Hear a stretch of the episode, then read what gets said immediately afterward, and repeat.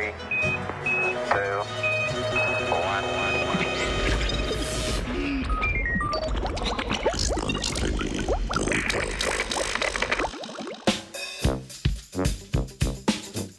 Mind Pong.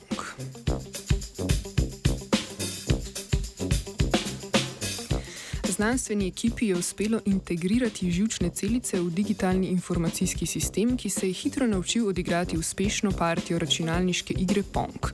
O svojem poskusu so poročali na portalu za prednatise BioArchive.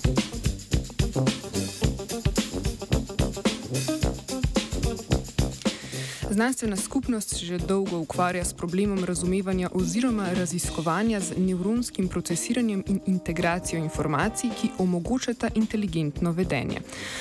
Računalniško modeliranje je zgolj eden od možnih pristopov k preučevanju možganov, ki zahteva stalno dopolnjevanje modela z novim znanjem, a v praksi še ne dosega ravni kompleksnosti značilnih za živo tkivo. Zato je v raziskovanju zanimiva tudi manipulacija z biološkim vzorcem, sposobnim komunikacije, prilagajanja in drugih lastnosti, ki jih pripisujemo normalno delujočim možganom.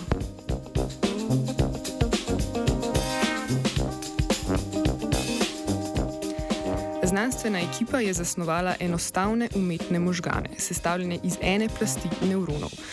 Preveriti so želeli, ali bi se takšna nevronska masa lahko naučila igrati pong, namizno teniško igro, pri kateri skuša igralec s premikanjem loparja preprečiti, da žogica pade z mize.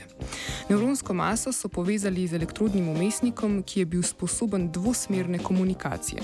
V nevronsko mrežo je posredoval podatke o položaju žoge, loparja in zidu igre, iz umestnika pa je pridobil podatke o živčnem dogajanju med igranjem.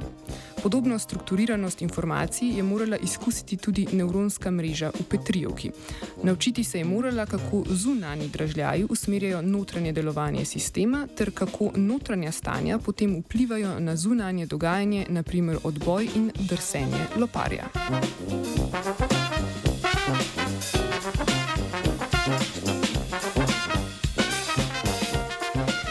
Programerska ekipa je razvila sistem zaprtih povratnih zank, ki spremljajo igro in posredujejo odgovor, ki je odvisen od izida.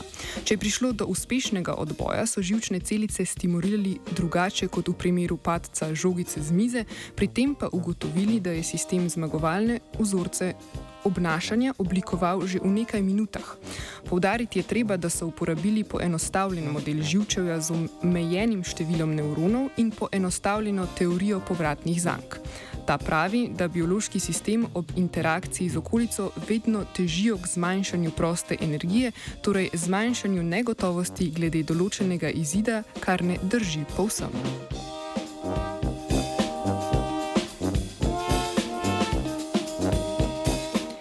Z raziskavo so želeli znanstveniki in znanstvenice raziskati, kako se porodi fenomen inteligentnega, torej prilagodljivega obnašanja. Z variacijo različnih parametrov, kot denimo količine in oblike vhodne stimulacije, so preskusili različne teorije o znotraj možganski komunikaciji in konsolidaciji informacij. Še vedno pa je pred nami dolga pot do razumevanja možganov kot celote. Do takrat se bomo pač morali pogovarjati drug z drugim.